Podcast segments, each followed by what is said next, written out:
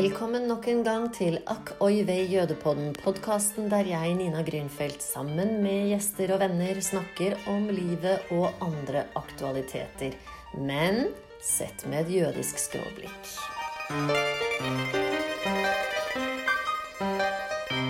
Hei, Monica. Hei, Nina. Nå er det veldig lenge siden. Ja, altså, jeg, vi, vi kan ikke holde på på denne måten her. Nei, Det har rukket å bli et helt nytt år. 2023.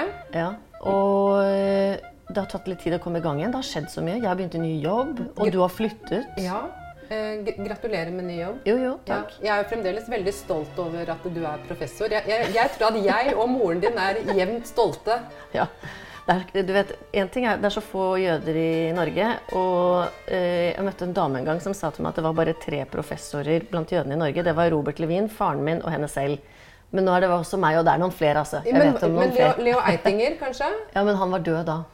Men var far? Pappa Professor? Ja, ja. ja, Ja, ikke sant? Han, han ble til slutt. Ja. ja. Nei, men, men, Men nå er jo ikke egentlig jeg det lenger. Fordi nå har jeg blitt det som heter prodekan. Ja, men, men eh, du var Jeg har kompetansen. Du har kompetansen, så det er jo det, det, er det som teller. Nettopp. Ja. Vi liker det, vi jøder. Ja, vi gjør det. Ja, tit titler eh, er vi glad i. Titler. Ja. Ja, Hvorfor det? Fordi vi trenger på en måte anerkjennelsen. Um, jeg er litt usikker, eh, og da er det jo litt, litt avhengig av hvilket land du er i. Men eh, slik jeg forestiller meg det, så er det viktigere der hvor jeg kommer fra, f.eks. i Ungarn Ja. og i Frankrike. ja, fordi der er kanskje generelt status enda litt viktigere enn Norge. Vi er tross alt et egalitært land. Vi er et ganske likestilt land. Ja, det er vi. Så det at eh, f.eks. i Ungarn Hvis du er kvinne og ektemannen din er eh, doktor eller professor, så bruker du det som en del av Tittelen din. Titlen din. Ja. Ja, nettopp. Det gjorde vi jo i gamle dager her òg. ja. Du kunne jo f.eks. være fru direktør Emil Pettersen. Det lever i beste velgående i Ungarn fremdeles. Ja. Nei, jeg tror vi skal være glad for at vi ikke er der. Ja. Eller altså, Gjerne i Ungarn, men ikke på det nivået der kvinner må ta sin manns tittel og navn. nei, det er vi ikke for. Nei. Du, Vi skal snakke om noe helt annet i dag. Vi skal snakke om den nye sesongen av Fauda. Ja, og jeg kjenner at eh, jeg har litt sånn prestasjonsangst i forhold til, til dette. Hvorfor det? Jeg er så forelska i hele casten i Fauda, og har vært det siden første sesong ble sluppet. Ja. Men jeg har en sånn egen, i mangel på noe bedre ord, obsession på serieskaperen, som er Lior Raz. Eh, Raz. Lior Raz, som man ville si på hebraisk. Hebrew. It's Hebrew. Lior Raz. Lior Raz. Eh, for meg så er han inkarnasjonen på Hva skal vi si? På alt som handler om en israelsk machokultur. Han er en zabra, er han ikke det? Jo, han er det. Altså, men det som er så Altså en fantastisk innfødt israeler. Innfødt israeler. Det som er så fantastisk med ham, er at han også favner dette softe. Slik at de er, eh, de er ekstremt glad i barna sine. Voldsomt glad i barna sine. Det- det er viktig. At eh, barna har det bra, men samtidig så er de jo også ute i felten og gjør de mest vanvittige ting. Men du, bare så det er helt klart. Ja. Altså, Lior er han som er skallet, og som er litt sånn outcast, litt underdog, og som kommer ut og inn av uh, miljøet. Ja, ja og for at han gjør jo masse gærne ting, og han går jo hele tiden over grenser han ikke skal gå over. ikke sant? Så han Ja, han er litt sånn seg. the crazy one som, Ja, som vi det. heier på. Men han er jo også serieskaperen. Ja. ikke sant? Så, så det som er eh, Altså bakgrunnen hans er jo at han kommer fra en irakisk-algirsk bakgrunn. Nå snakker du om i virkeligheten. I virkeligheten. Ja. Eh, eh, og det kanskje ikke alle vet, det er jo det at eh, over halvparten av befolkningen i Israel består av jøder som har sitt utspring fra arabiske land. Altså Nord-Afrika og Irak. Midtøsten. Ja, Iran, Irak. Og sånn som Lioras, han, han har foreldre fra Algerie og Irak. Ja. Så hans eh, eh, morsmål, i tillegg til hebraisk, det Mm. er arabisk. Altså det er jo det som er så fascinerende, syns jeg. Jeg er nok litt mer kritisk enn deg, da. Men det skal vi komme tilbake til. Men, Ja. men, eh, og ja, du har sikkert sett hele sesong fire. Jeg har sett nå tre episoder. Mm. Eh, Jeg syns det er utrolig fascinerende nettopp det du påpeker, at de snakker jo like mye arabisk som de snakker hebraisk. Dvs. Si de israelske, jødisk-israelske karakterene. Så det er jo et utrolig herlig språklig univers. Enormt. Eh, men det er litt mye vold for meg, da. Selv om det er ikke egentlig så ekstremt mye vold. Det er, det er ikke mye sånn at du ser Men det er mye skyting. Det er mye pang-pang. Ja, og det, det er mye blod. Og, og tro meg, Nina, at eh, jeg er ikke den som du får av gårde på en actionfilm. Men, men denne serien, Fauda, har altså fanget meg inn i et univers eh, som jeg er så vanvittig fascinert av. Og så tror jeg også det handler om at de har klart å beskrive konflikten som ikke bare svart-hvitt, men at man hele tiden forstår hvordan begge sider opererer i gråsoner. Jo, men gjør vi egentlig det? Altså, jeg, jeg sitter hele tiden med følelsen av at israelerne er the good guys. Ja, gjør du det? Ja, altså jeg, jeg, jeg tok meg selv etter å ha sett tredje episode i dag, da, så tenkte jeg Føler jeg virkelig at jeg også heier på palestinerne her? Eh, og det er mulig at jeg er farget av eh, den jeg er, men uh, jeg opplever ikke sant, Det er uh, Mossad, eller disse, denne delen av politiet som disse tilhører, da, som jobber undercover. Det er jo der eh, kjernehistorien ligger. Jeg tenker at eh, Når deres liv ofres, så er historien fortalt slik at det gjør litt vondere enn når palestinerne blir ofret. Ja, nei, altså jeg, jeg eh, tenker at jeg kan ikke Jeg kan ikke motsi deg på det. Men det jeg tror er at denne serien, den no, Hver gang det kommer ut en ny, det er laget til sammen fire sesonger, så havner den på topplistene i veldig mange arabiske land. Den ligger f.eks. på topp i Libanon akkurat nå. ikke sant? Mm, det er interessant. Så Hvor, hvorfor det, tror du? Altså, Den siste sesongen, da snakkes det jo 80% arabisk. Så den er jo lett å forstå. Ja, det, er veldig, det er faktisk veldig veldig gøy og rørende å se alle disse israelerne snakke arabisk hele tiden. Ja, så, så det snakkes jo en veldig stor andel av språket. Gjør jo at man har lyst til å se. se. ikke sant? Det, det, gjør, det er tilgjengelig. Og så eh, Så har du disse interkulturelle ekteskapene. da. Altså En israelsk jøde og en palestinsk Ja, er- israeler ja. som er gift. Og, så, og det er klart at Der får du også veldig sånne menneskelige, store, dramatiske det, gjør, gjør historier. Ja, det gjør man. Og, og det finnes det eksempler på. Men eh, eh, jeg syns historien deres er godt fortalt. Men man skal vite det at det er ganske sjelden vare. Eh, så Men det var en, du tenker på i virkeligheten. I virkeligheten. Det er det. Men, Og sjeldnere og sjeldnere, kanskje. sjeldnere og sjeldnere. Ikke sant? Det er ikke rom for den type ja, altså ekteskap som inngår over grensene. Og du får det, veldig raskt disse lojalitetskonfliktene som jo ikke er til å bære, rett og slett. Nei, nei, det er enormt øh, vanskelig. Um, men jeg tror at For å bare tilbake til spørsmålet ditt. Du vet jo den serien som gikk på Apple TV for ja, en tid tilbake, som heter Teheran. Ikke sant? Eh, som jo handler om israelsk etterretning i Iran. Den også gjorde det ekstremt bra i Midtøsten.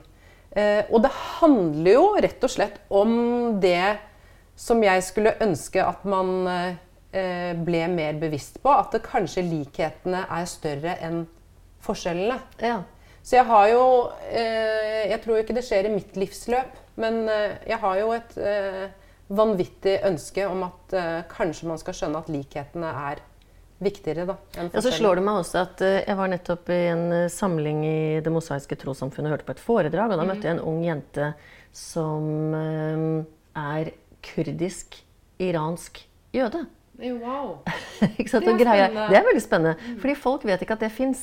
Altså jeg tenker at veldig mange har en oppfatning av at i Midtøsten så er du enten araber, palestiner eller jøde, og alle hater hverandre. Men bildet er selvfølgelig ekstremt mye mer komplekst enn det. Og at det fins interesse og sympati for hverandre også. Ja, det er eh, uakseptabelt mye antisemittisme blant mange i Midtøsten. Men det fins også en nysgjerrighet. Eh, og nå har vi også plutselig kommet i en helt ny geopolitisk situasjon, der det er allianser mellom Israel og Saudi-Arabia. Ja. Som jo noen vil si at det er Trumps gevinst, og det er det kanskje. Og det er, om man skal bare bejuble det eller ikke, det vet jeg ikke helt. Jeg tror det er veldig veldig komplisert dette her. Men poenget mitt er bare at eh, bildet endrer seg, og at det da også finnes de som er interessert. Det vitner jo noen av disse seriene om. da, De vekker faktisk interesse i nabolandet, og det er interessant. Ja, de gjør det. Og jeg må jo si at eh, jeg for eh, eh, tre tiår siden så hadde jeg et studieopphold i Tel Aviv. Eh, og det som var interessant for min del, var jo at eh, jeg kom hjem og kunne enormt mye mer om arabisk kultur.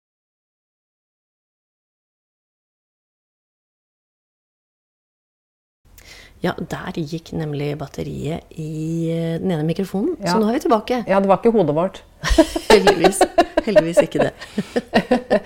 Hva var det du sa, Monica? Uh, jeg husker ikke helt hvor jeg slapp, men det jeg i hvert fall hadde lyst til å si, for de som ikke vet det, er at eh, ordet fauda betyr kaos. Ah, nettopp. Så derfor så er jo også den tittelen så ekstremt god. Uh, og så tror jeg også at jeg har lyst til å si at eh, Lior Ras, som har skapt eh, serien sammen med Avi Isharov, som er en journalist fra Haaretz, hans bakgrunnshistorie er jo også litt interessant, fordi at eh, han eh, var sammen med en eh, Han hadde en tenåringskjæreste. Eh, og da de begge var 19 eller 20 år, så ble tenåringskjæresten rett og slett knivstukket og døde. Oi. Hvordan, men hva da? Nei, Det var en palestinsk mann som i oktober 1990 drepte henne. Uff da. Eh, og så eh, gjorde Leo Ras ferdig militæret, og så dro han til USA, og der virket han bl.a. som eh, bodyguard for Arnold Schwarzenegger. Oi. Intet mindre. Intet mindre. Så kom han tilbake til Israel, og der fikk han, kom han inn på en teaterskole som er regnet for å være svært god, som heter Nissan Nativ. Eh, og så spilte han og gjorde egentlig masse småroller. Det ble aldri noe særlig ut av han før han da pitchet ideen til Fauda, som han gjorde sammen med denne eh, journalisten fra Haaretz. Og så ble det på en måte en ja, I den grad man kan kalle TV-serier blockbustere, det kan man kanskje. Altså, jeg tenker at Fauda den legger seg jo inn i retningen av veldig mange israelske TV-serier som har gjort stor internasjonal suksess, og som vi jo har sett i sånne remake i amerikanske formater. Ja. Homeland er jo den Er det Tipolim den heter på Eh, eh, Homeland eh, Betty Pool, det var den serien hvor det er en psykolog som har pasienter som ja, kommer og går. In Treatment. In Treatment, det stemmer. Og Homeland, den er Jeg kommer til å komme på det, men eh, jeg husker det ikke akkurat nå i farten. Den het eh, jeg, Ja, den het noe annet. Ja. I alle fall så er jo israelerne Og det er interessant, da. Jeg husker jeg var i Israel på sånn skolefilmfestival på 90-tallet. Og da hadde de veldig liten filmproduksjon. Da gikk jo alle pengene bare til eh, militæret. Og det gjør de jo stort sett fremdeles, men de har samtidig bestemt seg for at de må fortelle historier. Ja. Og derfor så finnes det et israelsk filminstitutt som har fått mye mer penger. Og hvor det jo lages både israelske filmer, men også palestinske filmer. Eh, mye koproduksjoner. Altså Stemmer. som mye penger fra det israelske filminstituttet går til også å fortelle palestinske historier. Ja. Eh, Så det har jo skjedd en Også selvfølgelig i tråd med utviklingen av TV-medier og TV-serier, så har det jo skjedd en eh, helt Ja. sånn eh, enorm utvikling. Ja, As we speak, faktisk i disse dager, så har det blitt laget en remake av Fauda i India. Så de har sin egen Fauda der. Nettopp. Ja, så husk på at det der, Vi snakker om et publikum på over en milliard mennesker. ikke sant? Så Men ok, jeg tillater meg å være litt kritisk, jeg, da. Kom igjen. Jeg var nemlig i Frankfurt av alle steder og lanserte min uh, tyske utgave av boken min. Det var veldig gøy. Og da Frida. møtte jeg Frida. da møtte jeg Katja. Katja er nå blitt min uh, tyske venninne. Uh, og hun hadde også sett Fauda og var like hysterisk uh, engasjert som deg. Men det hun uh, syntes var, var ekstra fint, og det tror jeg vi alle kan være enig i, selv om det ikke gjør filmen spesielt mye bedre, det er jo at det er så mange vakre kvinner. De er jo så pene, disse damene. Men de er for meg litt for pene. F.eks. når du da har Angela i Brussel, som er denne politikvinnen. Hun tror jeg jo ikke på én millimeter, for Nei. hun syns jeg blir for barbiedukke. Ja, ok. Altså, for meg så er egentlig Angela i Brussel bare en bikarakter som er helt uinteressant. Altså, de som er interessante for meg, er jo disse topptrente eh, som veksler mellom fransk, arabisk, hebraisk og engelsk i et heartbeat. Ja. Altså, det er de som er interessante for meg. For meg så er denne kvinnen i Brussel Hun beklager franske kvinner, men hun er litt sånn innrøyka, eh, litt for glad i vin og mm, helt likegyldig.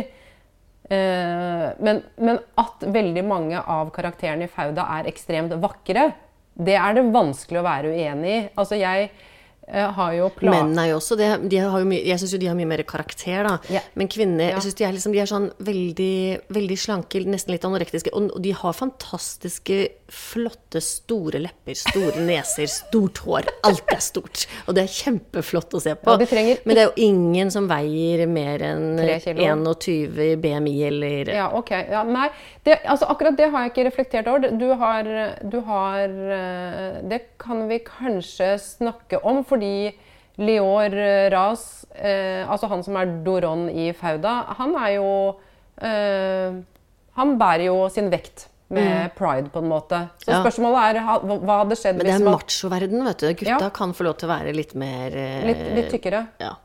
Og litt skallet og Ja. Ja. Altså, jeg, jeg har jo vært liksom såpass fascinert av Men Israel er jo et machosamfunn. Israel er et machosamfunn, helt udiskutabelt. Jeg har jo vært såpass fascinert av eh, Doron, eller karakteren hans, at eh, jeg har virkelig på ordentlig eh, vurdert å si ja til journalistjobber for ens ærend kunne dra til Israel og intervjue. Jeg, er usikker på hva slags liv det ville være. Men, men eh, jeg har jo intervjuet virkelig mange store stjerner opp gjennom eh, en lang karriere. Ja. Eh, Men for meg så hadde det største vært å intervjue han. Og da snakker vi om at jeg har tidligere intervjuet Richard Gere, Tom Hanks, Ja, ja. Johnny Depp. Du var jo til og med nesten på date med George Clooney. Ja da, jeg var det. Ja. Jeg var det. Eh, Dette kommer vi til å snakke om når vi blir 85 år. Du var faktisk nesten på date vet du, med George Clooney. Eh, ja, det kan- si jeg, jeg ble invitert, eh, jeg og fotografen. Eh, det- vi, Dobbeldate. vi gjorde det, altså. Ja. Men eh, Takket nei? Nei, hva jeg svarte? I need to go home and I need to edit this because the nine o'clock news. Så jeg har alltid vært veldig ordentlig på jobb. Nei, jeg så jo da også en episode før vi startet på den i dag, og den syns jeg i og for seg var ganske spennende. Det er jo når de skal redde denne sjefen Gabi ut av, ut av eh, hans Han er blitt kidnappet. Men det her blir jeg kritisk igjen, da. Ja. Og det er jo at herregud, så treige disse belgierne. De kommer seg jo aldri opp trappa. Nei, no. Det tar jo 500 år. Men det er selvfølgelig ren no. dramaturgi. Det er jo Ja. for at israelerne skal få lov til å komme inn først og Ja. skyte og plaffe ned. Nå kom jeg på noe helt fantastisk. Du vet, alt det som du tror er Belgia, Belge, Ja. hvor er det? Det, hvor, det er, vet du hva, det er spilt inn i Ungarn. Takk skal du ha. Er det ikke det? Det spilte inn i Budapest. Ja. Ja. Vet du hva? Det var jeg faktisk ikke klar over før du sa det nå, men jeg la merke til at på tekstene så sto det et eller annet med Ungarn. Ja. Så dette er spilt inn i Budapest, og det er fordi at serien ble spilt inn mens det var store covid-restriksjoner mange steder i Europa. Ja. Nå er det sånn at ungarerne har i løpet av de siste Ja, det var bare Nina som skulle røre litt i kaffen. Ja, sorry.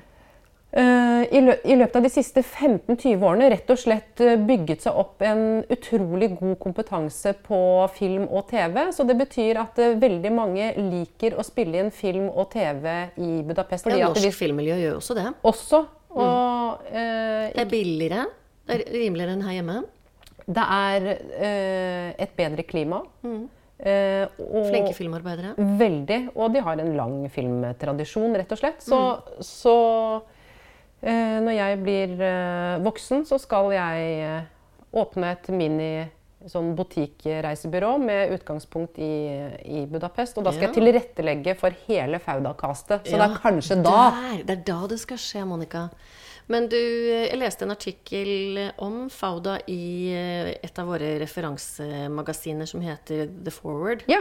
Eh, og der var det en litt interessant artikkel som pekte nettopp på det at Fauda viser i hvilken grad eh, Altså hvor mye ressurser som går med til underrett, altså etterretningsvirksomhet. Da. Hvor, fordi den er jo på mange måter sånn som denne franske serien, som jeg nå plutselig ikke husker hva heter, den som alle har sett, som handler om fransk eh, Ja. hemmelig politi. Ja. Herregud, hva heter den? Ja, nei, du må Nei. ikke spørre meg om navnet i dag. Nei. Nei. I dag husker vi ikke sånt.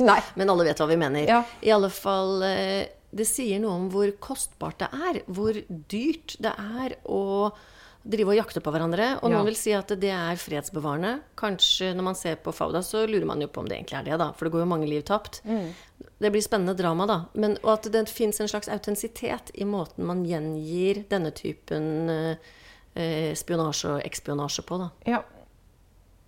Nå bare kommer jeg på én ting som alltid fascinerer meg når jeg ser på film og TV. Og det er at eh, det eneste gangen vi vel ser dem spise i løpet av tolv episoder, er eh, under et sånt flashback hvor vi ser et, eh, eller et bryllup. De spiser ikke. De er på farta hele tiden. det er derfor damene er så tynne. nei, nei, ikke sant. Men det, det er jo Vi vet jo det som filmskapere at uh, når folk sitter ned og spiser, så skjer det ikke så mye. Det blir ikke så mye dramatikk. Nei. Men Woody Allen får jo til det. Ja. Han setter jo folk ned, og så lar han dem bare prate, og så Ja. sier de veldig mye gøy, da. Ja. Men dette her er en litt annen sjanger. Ja, dette er en 100 en helt annen sjanger. Men, men eh, den, de har klart å skape noe. eh, og så eh, har jo en av eh, filmskaperne har jo sagt at eh, dette her er ikke et politisk manifest. Så det er mulig at eh, vi legger mer politikk i det enn det som er nødvendig. Altså at hans intensjon, deres intensjon er bare å vise fram en flik av det arbeidet som gjøres. Da. Ikke sant? Det, det som jeg kanskje har opplevd at uh, de har vært gode på, det er jo at de har Alle karakterene er så menneskeliggjort. Jeg opplever at vi får eh, ta del i, uh, i hele liv. Eh, og at det kanskje er litt av nøkkelen til suksessen til serien. At de har mange lag. Eh, og jeg vil si at spesielt nå i sesong fire, så må jeg si at de borer ned eh, virkelig at de får sk godt skrelt disse, denne løken. Da. Eh, og det syns jeg er et grep som jo jeg elsker når man skal fortelle en historie. Og så syns jeg det kommer også frem, som jeg syns er interessant, konfliktene mellom de ulike muslimske grupperingene. Eh, selv om vi kommer ikke ordentlig inn i det, så er det tydelig at det er noe sunni og det er noe shia, og hvem som regjerer i Hizbollah og de ulike terrororganisasjonene. Eh, og så vil man jo også kunne si at israelerne oppfører seg som terrorister her. Men det sier noe om kompleksiteten da, som jeg syns man fornemmer, og det er interessant. Veldig interessant. Og i en tid hvor eh, man vet at veldig mange ikke er så glad i å, å lese historie, så kan man i hvert fall kanskje få litt interesse for uh, nyere uh, ja, europeisk Midtøsten-historie ved å se uh, Fauda, faktisk. Men samtidig så må jeg jo erkjenne at nå når det er så hett som det er igjen i Midtøsten, Ja. så syns jeg faktisk Jeg kjenner på en sånn dobbelthet da, i å diskutere en serie som Fauda, hvor i hvert fall jeg opplever at det igjen er israelerne som er the good guys. Og for oss to så er det jo på en måte israelerne som er good guys, fordi vi har nok Vi er jo farget av vår bakgrunn, og vi har vår lojalitet der. sånn at eh, for meg er det litt viktig i en pod som dette å si at eh, jeg har nok ikke et helt nøytralt syn, og jeg kan godt tenke meg at det er mange som i den grad vi når fram da, med denne poden til folk med et helt annet forhold til Midtøsten, f.eks. med palestinsk bakgrunn, så vil kanskje den samtalen vi har, være provoserende til og med.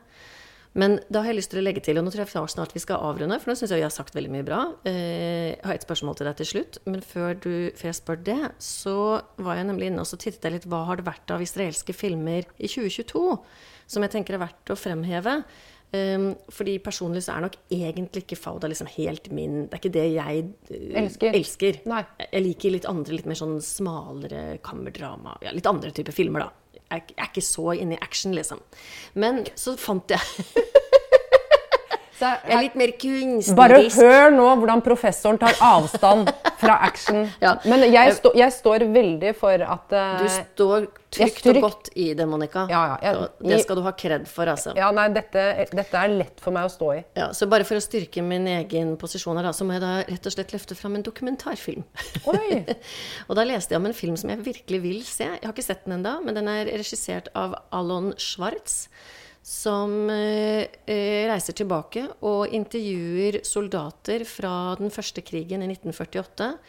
Og spør dem rett og slett eh, hvordan var det med Nakba, og ble det drept palestinere? Og av det jeg har sett så langt i traileren, så møter vi jo da alt fra tidligere høye militære som sier at dette skjedde ikke, og dette er bare en løgn, til de samme type høye militære som erkjenner og sier det skjedde, vi drepte 280, og vi begravde dem. Eh, og det virker som en utrolig viktig film. Den heter Tentura.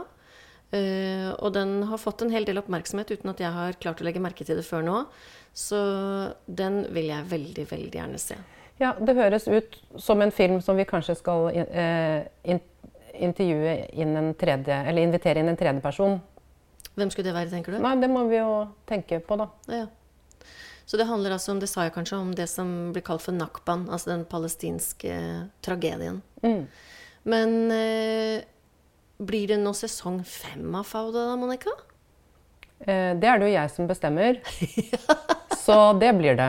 Det blir det. Det blir det. Ja, så bra. Og, og for å si det sånn, eh, den kan godt spilles inn i Budapest, for da setter jeg meg på første fly Ja. ned og melder meg som Du kan jo gjøre catering, du kan gjøre hva kan, som helst. jeg, kan gjøre, jeg kan bære veskene til alle Ja. på ryggen min. Ja.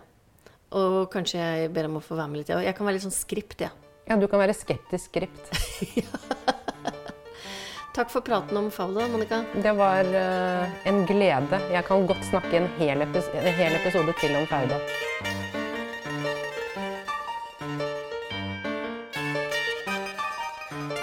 Lytter til AKIV Jødepodden. Om du liker denne podkasten, kan du trykke 'abonner' i din foretrukne spiller. Da vil du motta beskjed om når neste episode blir publisert. Dersom du har spørsmål til AKV Jødepodden eller vil bidra med innspill og ideer, send gjerne en mail til post at jodepodden.no. AKV Jødepodden er støttet av stiftelsen Fritt Ord. Musikken du hører, er komponert og arrangert av Jens Wendelboe.